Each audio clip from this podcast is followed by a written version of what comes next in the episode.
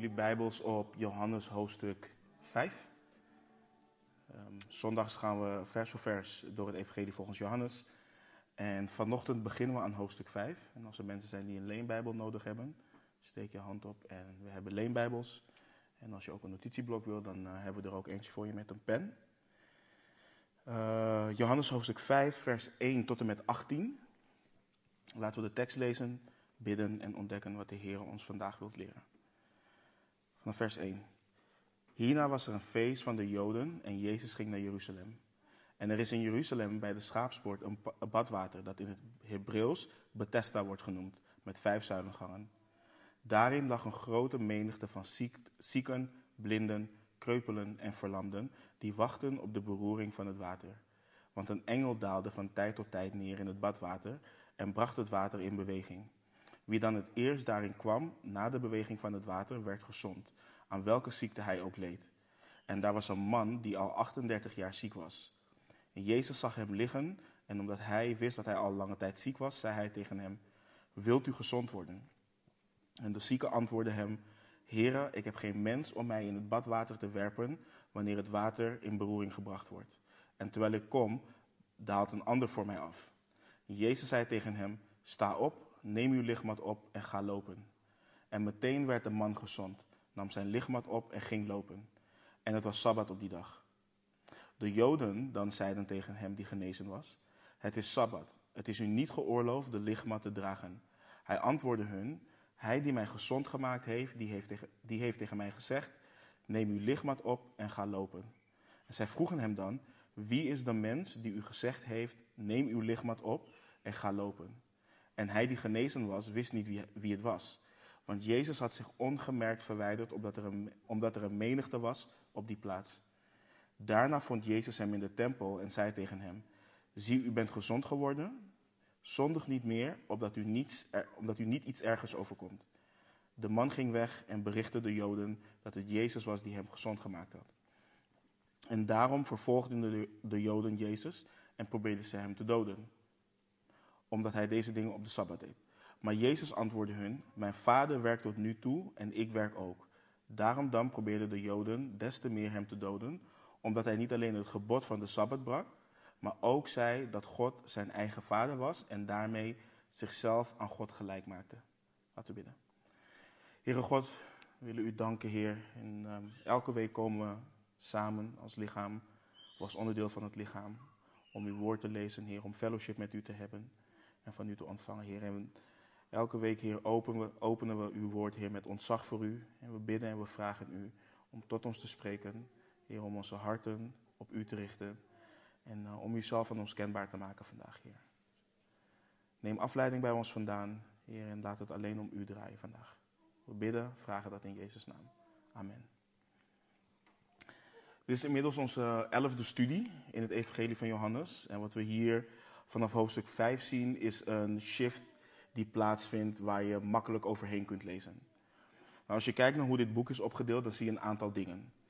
Hoofdstuk 1, vanaf vers 1 tot en met 18, ehm, daar wordt Christus aan ons geïntroduceerd door de apostel Johannes, de schrijver van dit boek.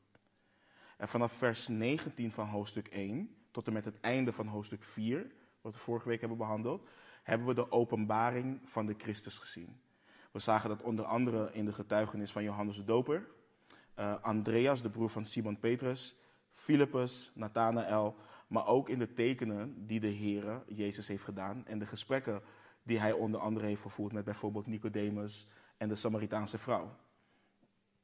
Dus we hebben in de eerste vier hoofdstukken gezien dat Jezus de Christus is, de Zoon van God, God in het vlees. En vanaf hoofdstuk 5 tot en met het einde van hoofdstuk 12 gaan we zien hoe de Heer Jezus alleen maar weerstand gaat krijgen. Dus deze hoofdstukken, daar gaan we echt heel veel weerstand van de Joden richting Christus zien. En daar waar hij in hoofdstukken 1 tot en met 4 ook wel weerstand heeft gehad, zien we ook hoe hij geaccepteerd werd. Bijvoorbeeld door de Samaritanen.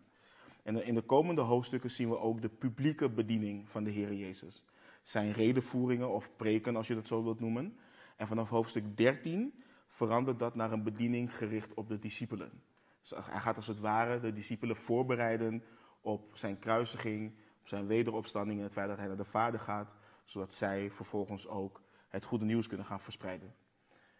En voordat we de tekst ingaan, is het volgende belangrijk. Onthoud dat Johannes niet heeft geschreven met de christen uit uh, de 21ste eeuw in gedachten. Dus zij leefden, net zoals hopelijk wij ook, met het geloof dat Jezus ieder moment weer terug kon komen om zijn kerk op te halen. En ondanks dat is de Bijbel vandaag de dag net zo relevant als het toen was. En daar is helemaal niets in veranderd en daar zal ook niets in veranderen. Maar om de Bijbel daadwerkelijk te begrijpen, is het goed om stil te staan bij de historische en culturele context uh, van het gedeelte wat we behandelen. En ik, wil dat, en ik wil dat benadrukken, zodat we ook blijven begrijpen waarom we de Bijbel op deze manier bestuderen. Zowel op woensdag als op zondag. Vaak komen we ook naar de kerk en komen we alleen om te ontvangen in de zin van geef me een toepassing, geef me iets waarmee ik aan de slag kan, geef me iets praktisch.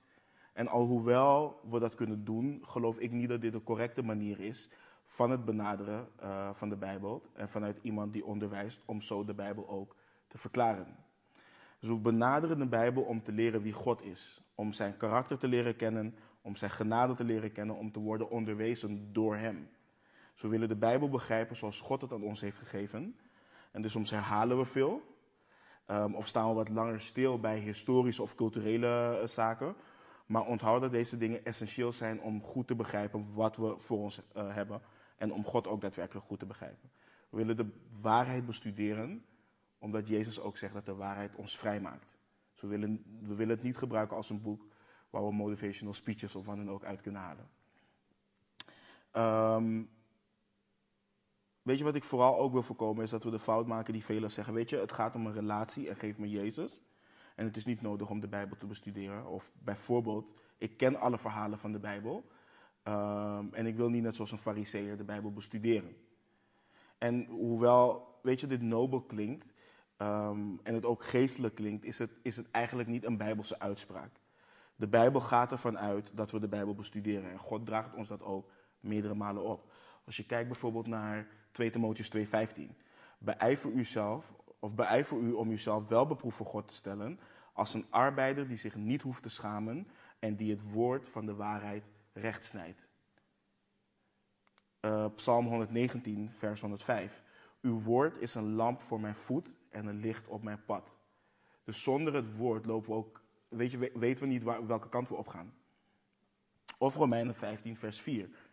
Want alles wat eertijds geschreven is, is tot onze onderwijzing eerder geschreven, opdat wij in de weg van volharding en vertroosting, door de schriften de hoop zouden behouden. Dus het is heel belangrijk dat we echt op een goede manier de Bijbel bestuderen. Nou, het gedeelte wat we vanochtend gaan behandelen is een gedeelte wat voor de meeste van ons wel bekend is. De mensen die vroeger naar de zondagschool gingen, kennen waarschijnlijk het verhaal van de zieke man te Bethesda. En alhoewel het lijkt alsof, dit, alsof in dit verhaal uh, de genezing van de zieke centraal staat, is dat niet het geval. De genezing van de zieke man door de Heer Jezus onthult wat juist echt belangrijk is in dit gedeelte. En in het evangelie van Johannes begint de weerstand en vervolging tegen Jezus, waar ik het eerder over had, vanuit dit verhaal. En dus als je bijvoorbeeld vers 16 uh, pakt in hoofdstuk 5. En daarom vervolgden de Joden Jezus en probeerden zij hem te doden. Dus dit, is, dit event is een soort van katalysator van alle weerstand, alle vervolging. Um, alle haat tegen Christus, wat uiteindelijk ook leidt tot zijn kruisiging. Dus het is niet het teken of het wonder wat centraal staat, maar de reactie op het teken. En zoals ik al zei, de Heer heeft al eerder weerstand ervaren, onder andere toen de tempel werd gereinigd. Maar dit wat we hier zien, of vanaf hier gaan zien, is echt van een ander kaliber. Maar laten we even de setting schetsen. Versen 1 tot en met 4. Hierna was er een feest van de Joden en Jezus ging naar Jeruzalem. En er is in Jeruzalem bij de Schaapspoort een badwater dat in het Hebreeuws Bethesda wordt genoemd, met vijf zuilengangen. Daarin lag een grote menigte van zieken, blinden, kreupelen en verlamden, die wachten op de beroering van het water. Want een engel daalde van tijd tot tijd neer in het water en bracht het water in beweging. Wie dan het eerst daarin kwam, na de beweging van het water, werd gezond, aan welke ziekte hij ook leed. Hierna verwijst dus naar wat hij gedaan heeft in Galilea, waaronder het genezen van de zoon van de hoveling. Uh, dat hebben we in hoofdstuk 4 gelezen. Maar de Heere ging dus naar Jeruzalem omdat er een feest van de Joden was. We weten niet precies welk feest het was. Johannes is meestal wel heel specifiek in het benoemen van feesten, maar hier doet hij dat op de een of andere, om de een of andere reden niet. Maar het feit dat de Heer naar Jeruzalem ging, kan erop wijzen dat het om een van de drie grote feesten gaat, uh, waarvoor de Joden echt naar Jeruzalem moesten afreizen. En hierover lees je meer in Exodus 23 en Deuteronomium 16. Maar we worden vervolgens dus gewezen op badwater bij de schaapspoort, dat in het Hebreeuws Bethesda wordt genoemd, met vijf zuilengangen. En als je meer wilt weten ook over de schaapspoort, kun je daarover lezen in het Oud-testamentisch boek Nehemia. En om precies te zijn, Nehemia hoofdstuk 3 en hoofdstuk 12. Maar waarschijnlijk, alle waarschijnlijkheid was dit de poort waardoor de schapen werden gebracht om geofferd te worden in de tempel. En dit badwater wordt in het Hebreeuws Bethesda genoemd. En Bethesda betekent huis van medelijden of huis van barmhartigheid. Dat is ook een woord wat we heel veel lezen. We lezen dat de Heer barmhartig is. En barmhartigheid kan uitgelegd worden door iets als door iets niet te krijgen wat je wel verdient. Dus als mensen, bijvoorbeeld als zondige mensen, verdienen wij de toorn van God voor onze rebellie tegen Hem. Maar Hij geeft dat niet uit zijn barmhartigheid. Dus uit zijn medelijden geeft Hij dat niet. En in zijn genade, ook een woord wat we heel veel lezen, en we lezen dat de Heer genadig is. En genade is iets wel krijgen wat we niet verdienen. Vergeving van zonde bijvoorbeeld, eeuwig leven, de Heilige Geest. En dat Johannes schrijft dat het vijf zuilengangen had, geeft een indicatie ook van hoe groot het, eh, het was. En hoeveel zieken, kreupelen en, en blinden daar waren. Um, we lezen dus dat er veel mensen daar lagen die wachten op de beroering van het water. En weet je, je kunt je voorstellen wat voor gezicht dit moet, moet zijn geweest. Allemaal zieken, blinden, kreupelen. En je hebt een hoop mensen daar liggen die zichzelf niet kunnen helpen. En het is eigenlijk, als je het goed bekijkt, triest om te lezen dat dit gebeurt in het huis van barmhartigheid. Dat er zoveel leed is in het huis van barmhartigheid. En ik denk daarnaast dat het ook niet een al te frisse boel moet zijn geweest daar. Mensen die zichzelf niet kunnen verzorgen, die niet het water in kunnen gaan, noem maar op. Ehm, maar ze wachten dus op, op de beroering van het water, want een engel daalde van tijd tot tijd neer in het badwater en bracht het in beweging. Um, op de een of andere manier was er een legende ontstaan, en meer dan dat was het ook niet, uh, dat er een engel neerdaalde, neerdaalde om het water in beroering te brengen. En dat degene die het eerst in het water kwam, gezond werd. En wat je eigenlijk ziet hierin is ook dat men een verkeerd beeld, een raar beeld had van Gods liefde en ook Gods kracht. Want we weten uit de Bijbel dat engelen Gods boodschappers zijn. En je hebt hier dus een badplaats vol met zieke mensen. En blijkbaar was er een engel die een of ander ziek spelletje speelde. Uh, om het water in beroering te kunnen brengen, zodat hij kon zien wie als eerste in het water kwam en dat die persoon werd genezen. Dus we weten dat het niets meer dan een legende is. En nergens in het Oude Testament zien we ook dat God op deze manier werkt. En vers 4, dus dit stukje ook, komt overigens ook niet voor in de oude oudste manuscript wat we hebben van Johannes 5. Dus het kan zijn dat een schriftgeleerde dit heeft opgeschreven om context te schetsen aan hetgeen wat we in vers 7 lezen. Uh, maar we weten in ieder geval dat de oudste manuscripten dit niet heeft. Desalniettemin heeft het, heeft het in die zin geen invloed op de tekst. Wat we zien vervolgens is dat Johannes ons introduceert aan uh, een van de zieke mensen die daar ligt. Dus een man die al 38 jaar ziek was. Dus we lezen in vers 5 en 6. En daar was een man die al 38 jaar ziek was. Jezus zag hem liggen en omdat hij wist dat hij al een lange tijd ziek was, zei hij tegen hem: Wilt u gezond worden? En we weten niet hoeveel mensen daar lagen, waarschijnlijk tientallen, maar we lezen dat de Heer deze man zag liggen. Zijn ogen waren gericht op deze man. En we lezen dat de Heer wist dat hij al een lange tijd ziek was. Dus we zien, um, we zien nergens dat de Heer een gesprek had met deze man of met iemand anders. We lezen nergens dat hem wordt verteld hoe lang deze man ziek is, maar hij weet het. En dit laat weer zijn goddelijkheid ook zien, zijn alwetendheid. Hij weet alles. En we leren in de Bijbel dat dit een eigenschap of een kenmerk is wat alleen op God van toepassing is, op niemand anders. Dus het is, het is ook een mooie gedachte om te weten dat Jezus, dat God, alles van ons weet, dat Hij onze situatie kent. Dat Hij ons kent. Hij zegt zelf ook in Johannes 10, vers 14, waar we ook nog komen. Ik ben de goede herder en ik ken de mijnen en word door de mijnen gekend. Maar aan de andere kant is het ook een trieste gedachte, omdat men de God die hun kent niet wilt kennen. Men zoekt God niet. Dus prijs God voor het feit dat Hij je kende voordat jij Hem kende. En prijs Hem voor het feit dat ondanks dat Hij je kende, Hij jou aangenomen heeft als kind. Ik weet dat ik mezelf niet had aangenomen als kind.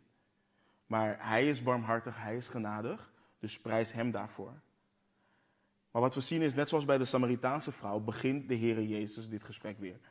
Hij weet dus dat de man een lange tijd ziek is en vraagt hem, wilt u gezond worden? En eerste instantie lijkt het een beetje een rare vraag. Het lijkt logisch dat een persoon die 38 jaar lang al ziek is, bij het bad ligt, heel duidelijk aangeeft beter te willen worden. Waarom zou iemand dan zo'n vraag stellen?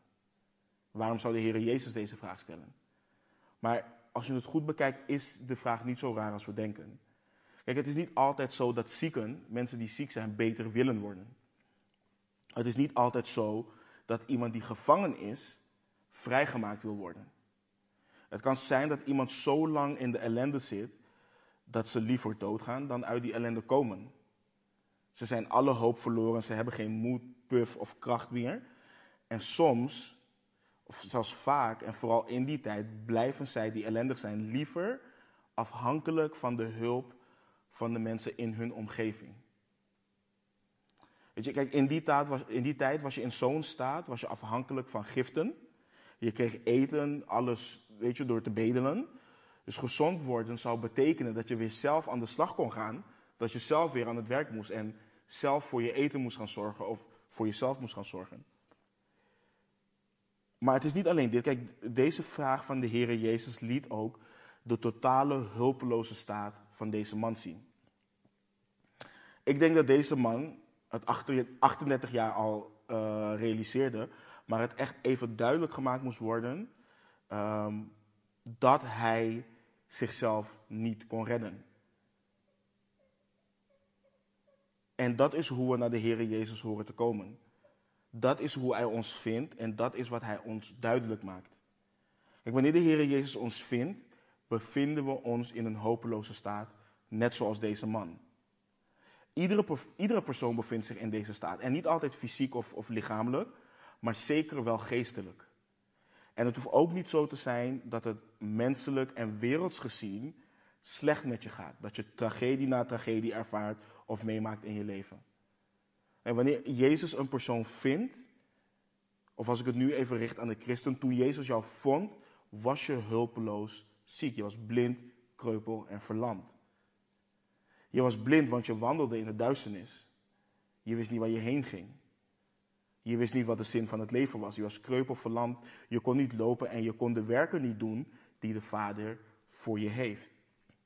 Want hoe kan een persoon wandelen op het smalle pad als de wereld hem of haar compleet heeft verlamd met de zonde? Het kan niet. Het is pas wanneer een persoon inziet en tot realisatie komt dat hij of zij hulpeloos is, dat ze dan gaan ervaren of aanvaarden dat ze Jezus nodig hebben. Dat Hij de weg, de waarheid en het leven is. En zolang een persoon nog de kracht heeft om het boeddhisme, hindoeïsme, islam, zelfhulpgoeroes of wat dan ook te onderzoeken, dan erkent die persoon zijn of haar hulpeloze staat niet. En waarom ik dat zeg is het volgende. Elke religie hier op aarde elke vorm van motivatie om een beter mens te worden of om jezelf rechtvaardig te maken, is gebaseerd op je eigen werken en dus ook je eigen kracht. En wanneer je niet doorhebt dat je aan het verdrinken bent, zul je ook niet grijpen naar een reddingsboei wanneer iemand die naar je gooit. Als je in het water bent en je hebt niet door dat je aan het verdrinken bent, je denkt dat het gaat prima. Iemand gooit een reddingsboei, dan denk je, waarom gooi je het? Het gaat goed. Dus zolang je nog kunt blijven, zolang je blijft onderzoeken, heb je het idee van, oké, weet je wat, dit is wat me beter mens kan maken, dit is wat me goed maakt. En dan erken je dus niet de hulpeloze staat waarin je zit. En dan erken je ook niet dat, dat Jezus de enige persoon is die je hieruit kan redden. Dus wanneer een persoon bezig is met zen zijn bijvoorbeeld, of bezig is met filosofie, um, hebben ze niet het idee van, wow, wacht eens even, ik ben nu letterlijk aan het verdrinken en Jezus is de enige die mij kan redden van de ondergang. Als je kijkt naar deze man, hij had geen kracht, hij was hulpeloos. En als jij een volgeling van Christus bent, dank hem dat jij wel tot die realisatie bent gekomen. En dank God voor wat we lezen, bijvoorbeeld in Romeinen 5, vers 6. Waar staat, want toen wij nog krachteloos waren, is Christus op de bestemde tijd voor de goddelozen, goddelozen gestorven. Weet je, en het is, het is erg en daarom horen we ook in liefde, maar ook met het gevoel van urgentie, het evangelie te delen met mensen. Want een mens heeft niet de kracht straks om de toorn van God te weerstaan. Een mens heeft niet de kracht om tegen het oordeel van God te vechten. Een mens heeft ook niet de kracht om het oordeel van God te dragen. En, en dat hoeft ook niet, want Christus heeft het al voor ons gedaan. Christus heeft het voor ieder mens gedaan. Een mens hoeft alleen te geloven in Jezus Christus, de Zoon van God. Perfect in zijn, perfect in zijn wegen heeft Hij onze straf voor ons gedragen. Dus de Heere vraagt hem terecht: Wilt u gezond worden? Waarop we de reactie van de man lezen vanaf vers 7. Heere, ik heb geen mens om mij in het badwater te werpen wanneer het water in beroering gebracht wordt. En terwijl ik kom, daalt een ander voor mij af. En Jezus zei tegen hem: Sta op, neem uw lichtmat op en ga lopen. En meteen werd de man gezond, nam zijn lichtmat op en ging lopen. En het was sabbat op die dag. En dit gedeelte laat ons het hart van Christus zien. Er was niemand in die 38 jaar die deze man barmhartigheid heeft getoond. Geen persoon in 38 jaar. Niemand had de moeite genomen om ervoor te zorgen dat hij als eerste in het water terecht kon komen.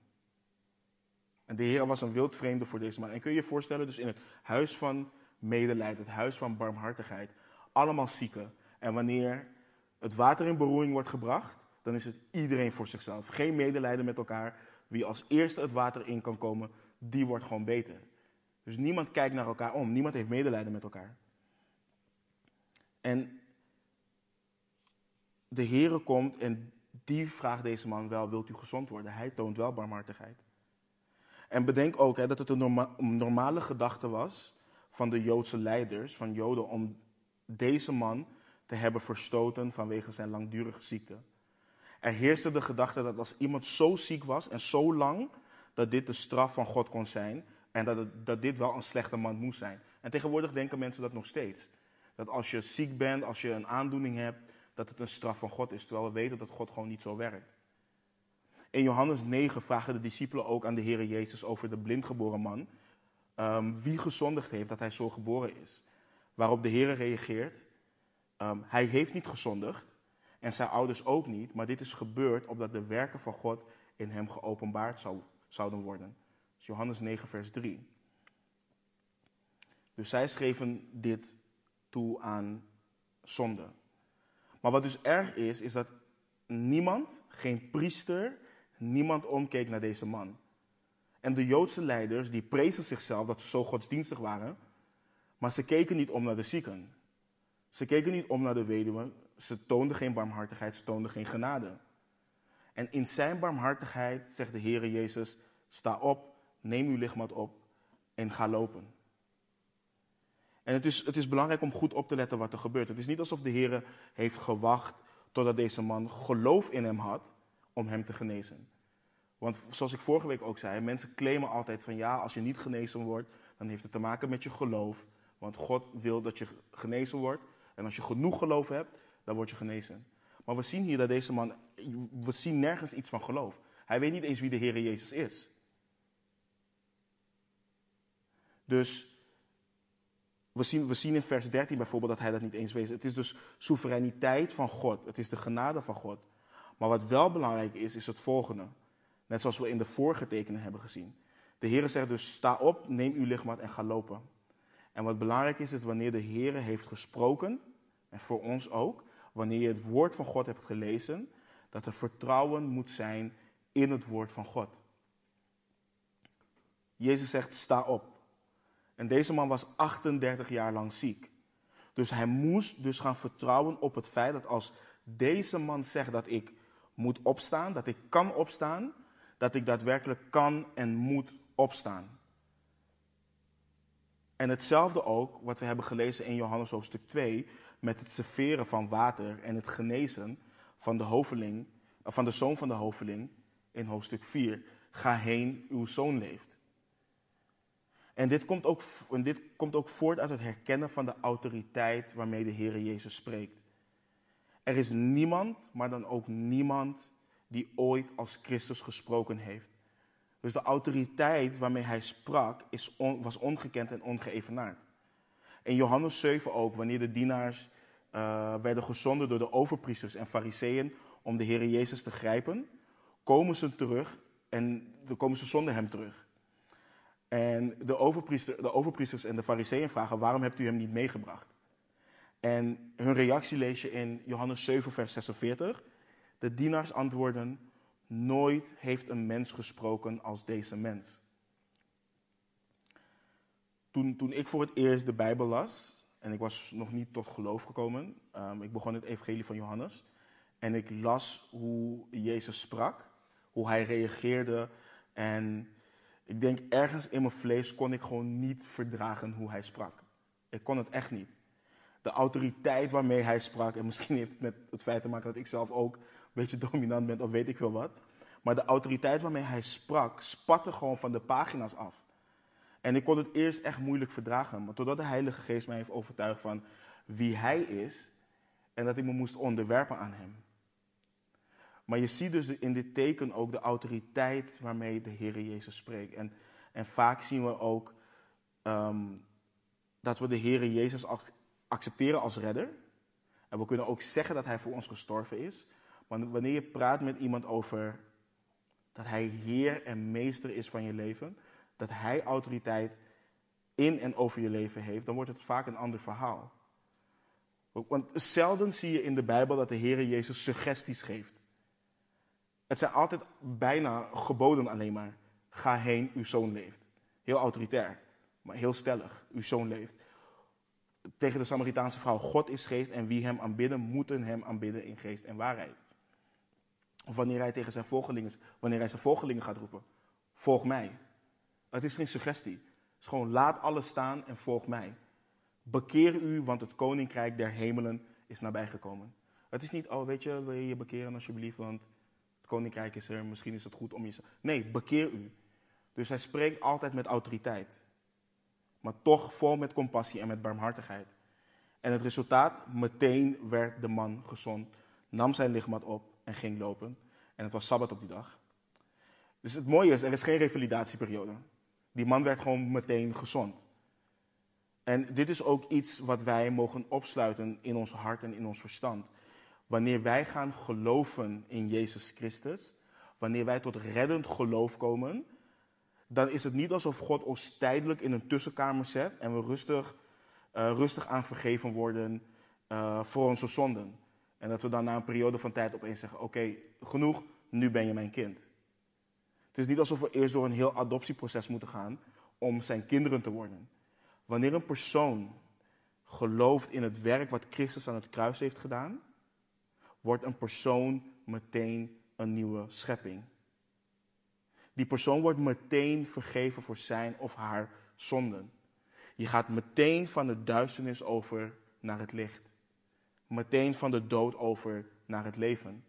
Er is geen middenweg, er is geen grijs gebied, er is geen misschien, je hoeft er niks extra's voor te doen. En begrijp goed wat ik ga zeggen nu. Je hoeft je niet te bekeren om te geloven. Je bekeert je omdat je gelooft. Je hoeft niet naar een lokale kerk om te geloven of om vergeven te worden. Je gaat omdat je vergeven bent en omdat je fellowship wilt hebben met broeders en zusters. En daarom schrijft Paulus ook zo mooi onder leiding van de Heilige Geest. Daarom, als iemand in Christus is, is hij een nieuwe schepping. Het oude is voorbij gegaan. Zie, alles is nieuw geworden. En dit, dit gebeurt letterlijk in een ogenblik. Al het oude is weg. En soms hoor je mensen vragen, dus ook alle leugens die ik heb verteld, of alle mensen die ik heb bedrogen, elke keer dat ik Gods naam heb gelasterd, elke keer dat ik geroddeld heb of dat ik me schuldig heb gemaakt aan hoererij, alle slechte dingen die ik heb gedaan, alles is weg. Al het oude is weg.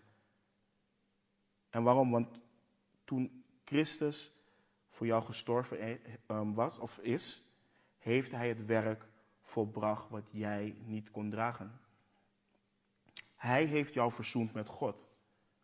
Want toen je bent gaan geloven, heb je je bekeerd.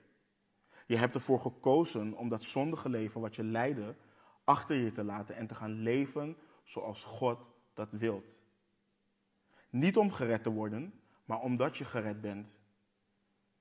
Dus het is goed om te beseffen, God vergeeft meteen. Dus net zoals deze man meteen gezond werd.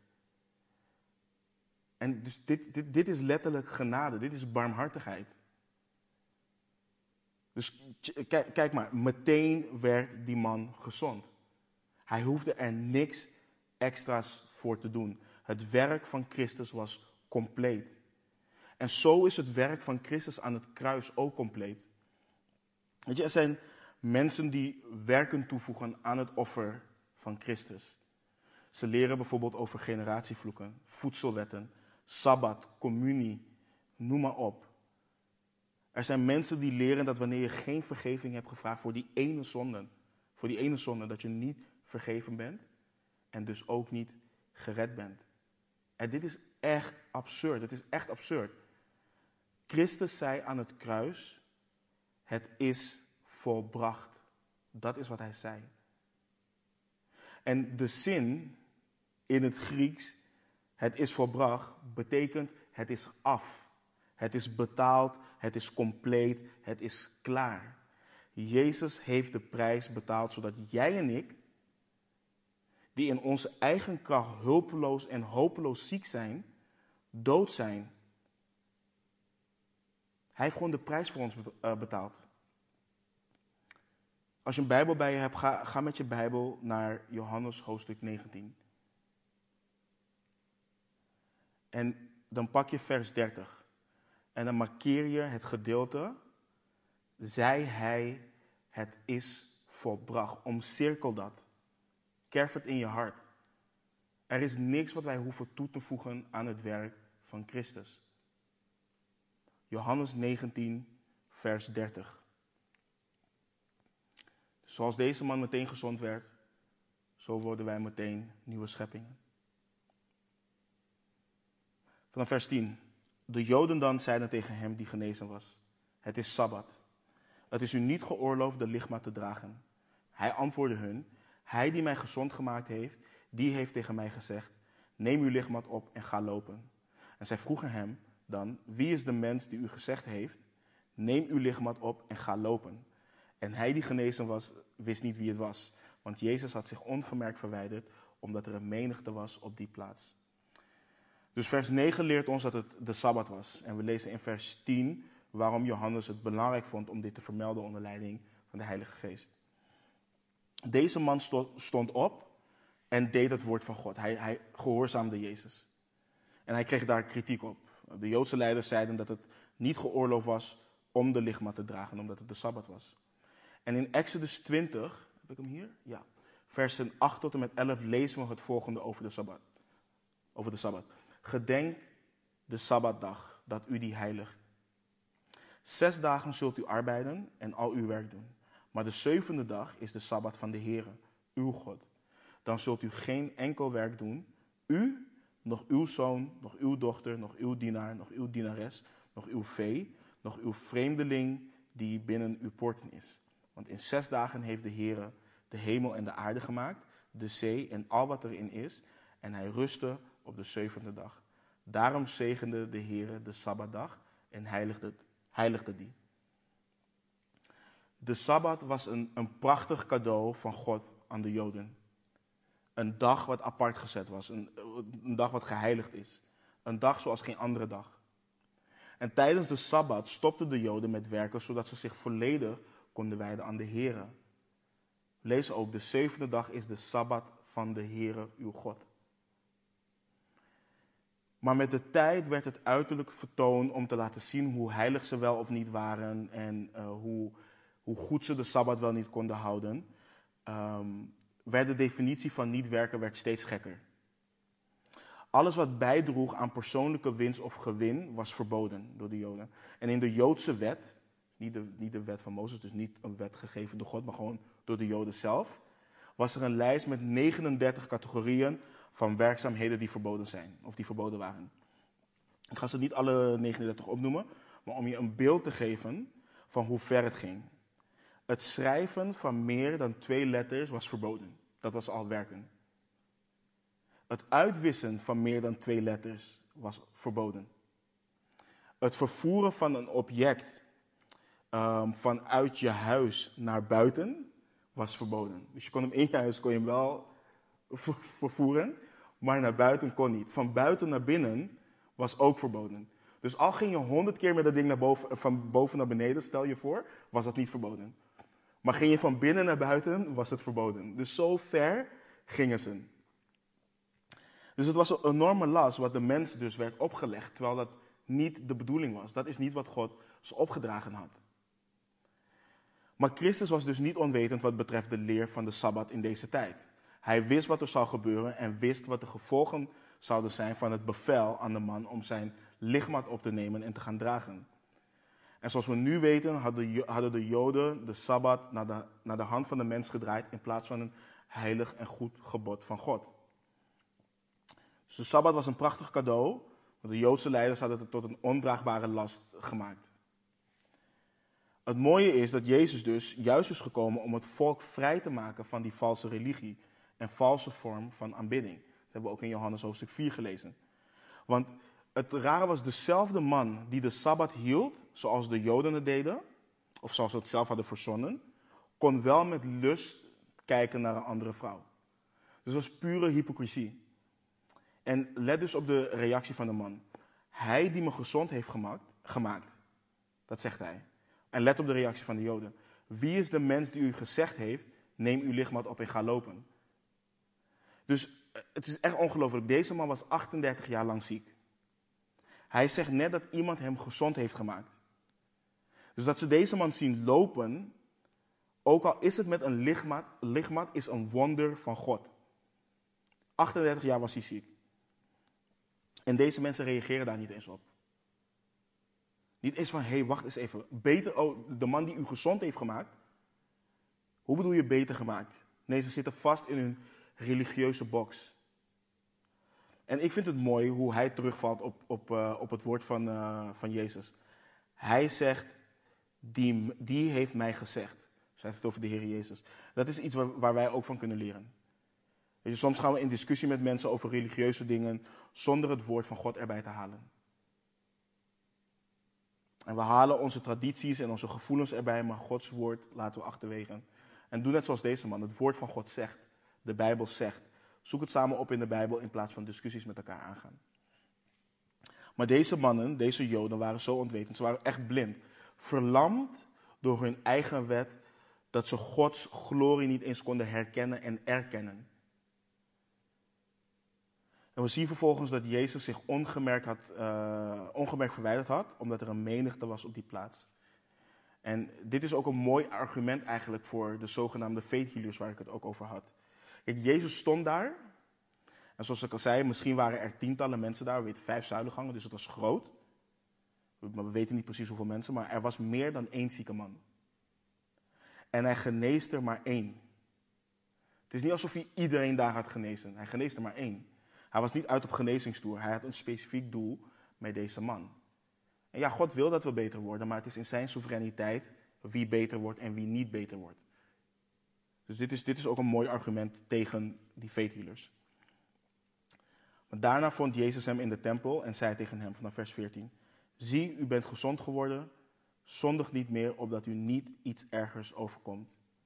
De man ging weg en berichtte de Joden dat het Jezus was die hem gezond gemaakt had. Het mooie is, deze man is genezen en waar vinden we hem? In de tempel. Hij is gelijk naar de tempel gegaan. Hij wist niet wie Jezus was. Hij wist niet wie hem genezen had, maar hij is naar de tempel gegaan om God te aanbidden. Hij schreef dit wonder blijkbaar wel aan God toe, Of hij loofde en prijsde God er in ieder geval voor. Maar het is ook mooi dat er staat dat Jezus hem vond. En het was niet puur het doel om deze man fysiek alleen te genezen. Want Jezus gaat met hem praten over zijn ziel, over zonde. Hij zegt, zondig niet meer, opdat u niet iets ergers overkomt. En kun je nagaan, deze man kon 38 jaar lang kon hij bijna niets. Hij was ziek. Maar alsnog was hij een zondaar. Alsnog was hij een zondaar. Alsnog zondigde hij. En is het dan niet waar wat Paulus ons schrijft onder leiding van de Heilige Geest? Zoals er geschreven staat, er is niemand rechtvaardig, ook niet één. Romeinen 3, vers 10. Of Romeinen 3, 23. Want allen hebben gezondigd en missen de heerlijkheid van God. Weet je, je hebt mensen die met je in discussie gaan, of mensen die met je in gesprek gaan. Ja, maar weet je, ik geef aan de armen. Ja, ik doe vrijwilligerswerk. Ja, ik doe dit, ik doe dat. Deze man lag daar 38 jaar. Hij kon mensen niet oplichten. Hij kon mensen oplichten, maar we zien niet dat hij mensen heeft opgelicht. Maar toch was hij een zondaar. En dat laat zien dat zonde ook een staat van onze ziel is. Het is een kwestie van ons hart. Het is niet alleen het feit dat we kunnen opstaan en iets kunnen stelen. Of wat, het is echt een kwestie van ons hart. En Jezus zegt tegen hem: Zondig niet meer, opdat u niet iets ergers overkomt. Weet je, de genade en barmhartigheid van God, want dat is wat over deze man heen is gekomen, is geen excuus voor een goddeloos leven. Dat is wat we hier zien.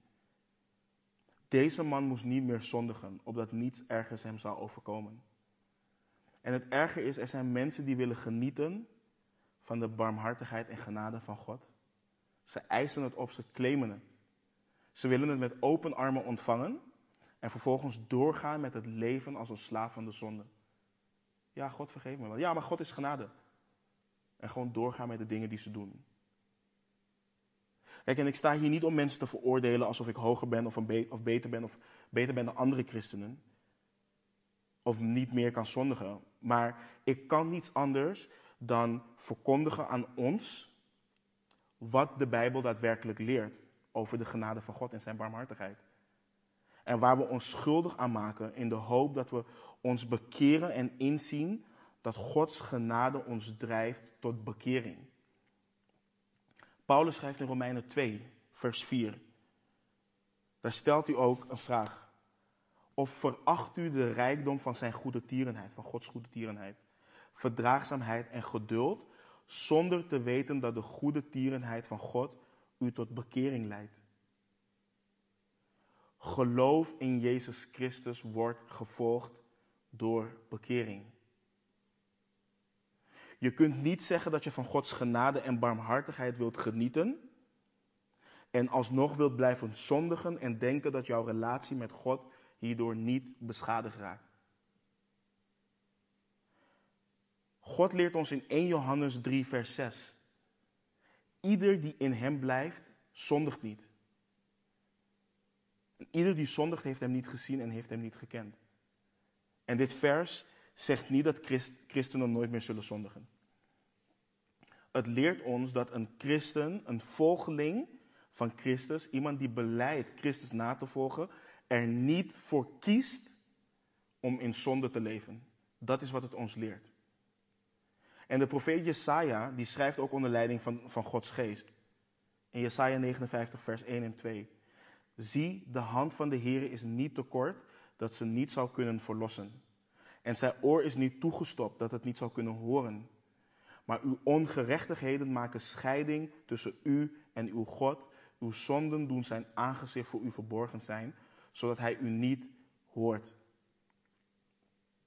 Weet je, vaak wanneer. Kijk, het, het, kunnen meerdere redenen zijn, hè? Maar vaak wanneer iemand zegt: Ja, weet je, ik, ik, ik hoor God gewoon niet. Het eerste wat ik vraag, en voor heel veel mensen klinkt het niet liefdevol, is: Is er zonde in je leven? En we horen dat aan elkaar te vragen. Want God is geen spelletje met ons aan het spelen van, oké, nu luister ik wel naar je, nu luister ik niet naar je. Of dat hij om de hoek gaat schuilen om, om ons niet te antwoorden. Hij wil fellowship met ons hebben. Dat wil hij. En mensen oproepen om zich te bekeren wordt niet gezien als liefdevol, maar als, als oordelen. En we hebben tegenwoordig zo'n verkeer, verkeerd beeld van Gods liefde. En we moeten nooit vergeten, God is heilig. Hij is heilig. En Als je wilt weten hoe erg God de zonde haat, dan moet je kijken naar het kruis. Als je wilt weten hoe erg hij het haat. Maar als je ook wilt weten hoeveel God je lief heeft om je te redden van de zonde, dan moet je ook kijken naar het kruis. Onze ogen horen gericht te zijn op het kruis. Waarom zouden we denken dat als God zijn eigen zoon verbrijzeld heeft aan het kruis, omdat hij voor ons zonde is geworden, alle zonde op hem gelegd heeft, waarom zou God het goed vinden dat wij in zonde zouden blijven leven? En Paulus stelt ook de retorische vraag in Romeinen 6, versen 1 en 2. Wat zullen wij dan zeggen? Zullen wij in de zonde blijven opdat de genade toeneemt? En hij zegt ook volstrekt niet. Hoe zullen wij, die met betrekking tot de zonde gestorven zijn, nog daarin leven? De persoon die in Christus gelooft, de persoon die zegt dat hij of zij Christus navolgt, is gestorven voor de zonde. Hij zondigt niet meer. Deze man had genoten van Gods genade en was fysiek beter geworden. Maar Jezus is naar hem toegekomen om hem duidelijk te maken dat, hij, dat zijn geestelijke gezondheid, want dat is ook belangrijk, hè? Ook, ook iets wat de, waar de faithhealers weinig over praten, maar zijn geestelijke gezondheid belangrijker is dan zijn lichamelijke gezondheid.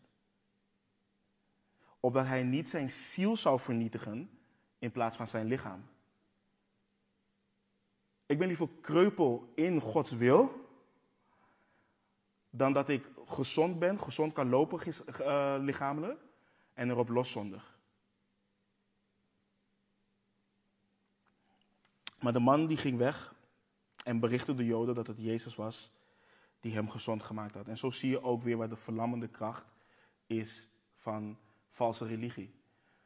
Veel, van die, veel, veel mensen waren bang voor de Joden. Later gaan we ook zien, bijvoorbeeld bij de blinde man, dat de ouders bang zijn om te zeggen hoe het is dat hij genezen is omdat ieder die in Jezus Christus beleidde te geloven, of ieder die een, volgeling van hem was, die werd uit de synagoge of uit de tempel geworpen. Ze mochten dan niet meer naar binnen. Dus dat was hun center van aanbidding. En dat, daar waren ze bang voor. En je ziet dus ook dat deze man uit angst gaat hij terug en bericht hij dat het Jezus is die hem gezond heeft gemaakt. Hij gaat terug naar hetgeen wat eigenlijk verlamt. Maar het is, wel, het is wel bijzonder dat hij bericht dat Jezus hem beter gemaakt heeft. En niet dat Jezus hem gezegd had zijn lichaam op te nemen. Dus hij is, hij is wel gaan getuigen van Christus die hem beter gemaakt heeft. Om even wat kijken. Nou, omwille, van de tijd stop ik vandaag hier. Zou het tot vers 18 gaan, maar dan pak ik hem volgende week op. Maar ik wil afsluiten met het volgende. Aan het begin van de studie gaf ik al aan dat het niet het teken is wat centraal staat in dit gedeelte. gedeelte. Het teken laat de goddelijkheid van Christus zien. En het wordt gedaan omdat we geloven dat Jezus de Christus is, de Zoon van God. Maar wat dit gedeelte ons ook wil laten zien, is het ziekmakende effect wat religie gemaakt door mensen kan hebben. Het maakt blind, het maakt kreupel, het verlamt. Religie gemaakt door mensen kan Gods glorie niet zien. Het kan de glorie van God niet herkennen en het kan het ook niet erkennen. Dus het plaatst je buiten Gods genade. Het maakt je een slaaf van werken en maakt werken een last, terwijl de werken die God ons in geloof wil, geven, um, juist licht zijn.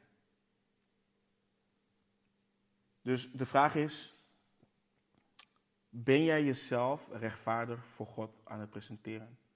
Probeer je dat te doen, want je kan het zelf niet. Door extra werken, door rituelen toe te voegen aan het offer, door de wet na te volgen. Dan is mijn oproep echt, bekeer je daarvan. Laat Gods woord je heiligen. Laat de waarheid je vrijmaken. Kijk naar Jezus Christus en Jezus Christus alleen. En erken je ellendige staat. Erken dat je hulpeloos bent. De Heere Jezus en deze man hebben ons laten zien dat wij niet in staat zijn om onszelf te redden. En onthoud ook dat zoals de Heer mensen vrijmaakt, dat is een belangrijke voor, voor de mensen die ook bezig zijn met discipelschap, die andere mensen mogen discipelen. Zoals de Heer ons vrijmaakt van valse, valse vormen van religie, het ook onze taak is om A, mensen dat niet op te leggen, dat is één. En B, wanneer iemand daarin leeft, men in liefde te onderwijzen van het verlossende werk van Christus en de genade waarin we leven. En soms willen we komen van, ja oké, maar hij of zij gelooft in Christus en dat is voor mij genoeg. Het maakt niet uit dat ze dit extra doen. En zo werkt het niet. We kunnen en mogen niks toevoegen aan het werk van Christus. Want als die persoon extra werken toevoegt en we laten het omwille van de vrede of de, de liefde, laten we hem of haar daarin, weet dat die persoon ook getuigt naar andere mensen en die andere mensen ook die last oplegt waar hij of zij in gelooft.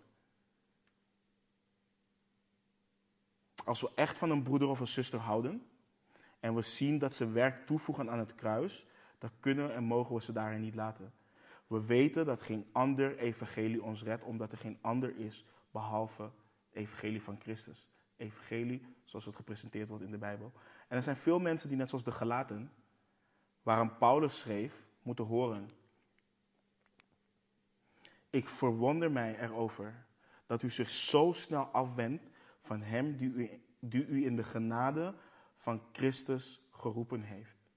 Naar een ander evangelie, terwijl er geen ander is. Als zijn er ook sommigen die u in verwarring brengen en het evangelie van Christus willen verdraaien. Dus hoef ik, moet, moet ik alleen maar geloven, het evangelie geloven? Ja. Moet ik geen goede dingen doen? Geven aan een goed doel? Uh, vrijwilligerswerk, vijf keer per dag bidden, Joodse feesten vieren? Nee, geloof alleen in Jezus Christus en Jezus Christus alleen. Laten we bidden. Heere God, we willen u danken, Heer. We willen u danken voor het feit dat u zo goed bent, Heer. Het feit dat u ons bevrijd heeft, ten eerste van het nutteloze leven wat we eerst leefden, Heer. Heer, en dat u ons geroepen heeft, Heer, en dat u ons vrijgemaakt heeft van de zonde. Heer, dat wij geen slaven meer hoeven te zijn, Heer, dat wij uw dienstknechten mogen zijn. En dat het, um, dat het niet belastend is, Heer. Dat uw juk licht is, Heer. Dank u wel daarvoor, Heer. En dank u wel dat uw werk voldoende is. En dank u wel dat u, Heer, in uw liefde, in uw barmhartigheid heeft laten zien, Heer, in wat voor staat wij waren. En dat u, dat u toch uit uw liefde ons gered hebt, Heer. En Heer, ik bid ook voor de mensen om ons heen, de mensen waarnaar wij mogen getuigen, Heer, de mensen waarmee wij in gesprek zijn, Heer, dat, u, dat uw, uw geest getuigt, Heer, door ons heen, wie de Heer Jezus Christus is en dat ze daar ook vrij gemaakt van kunnen worden. En Heer, we bidden ook voor beleidende christenen, Heer, die, die een ander evangelie toe, um, verkondigen of die werk toevoegen aan het werk wat U volbracht heeft, Heer.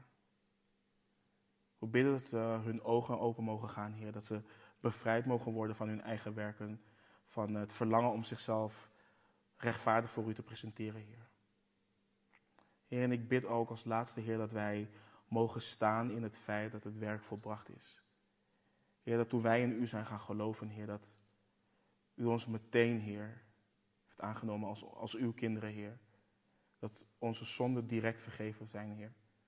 En dat ze zo ver als Oost en West gescheiden uh, van elkaar zijn, Heer. Dat ze zo ver weggezet zijn, Heer. En dat U er niet meer aan denkt. Dus dank U wel, Heer. We loven en prijzen Uw naam, Heer.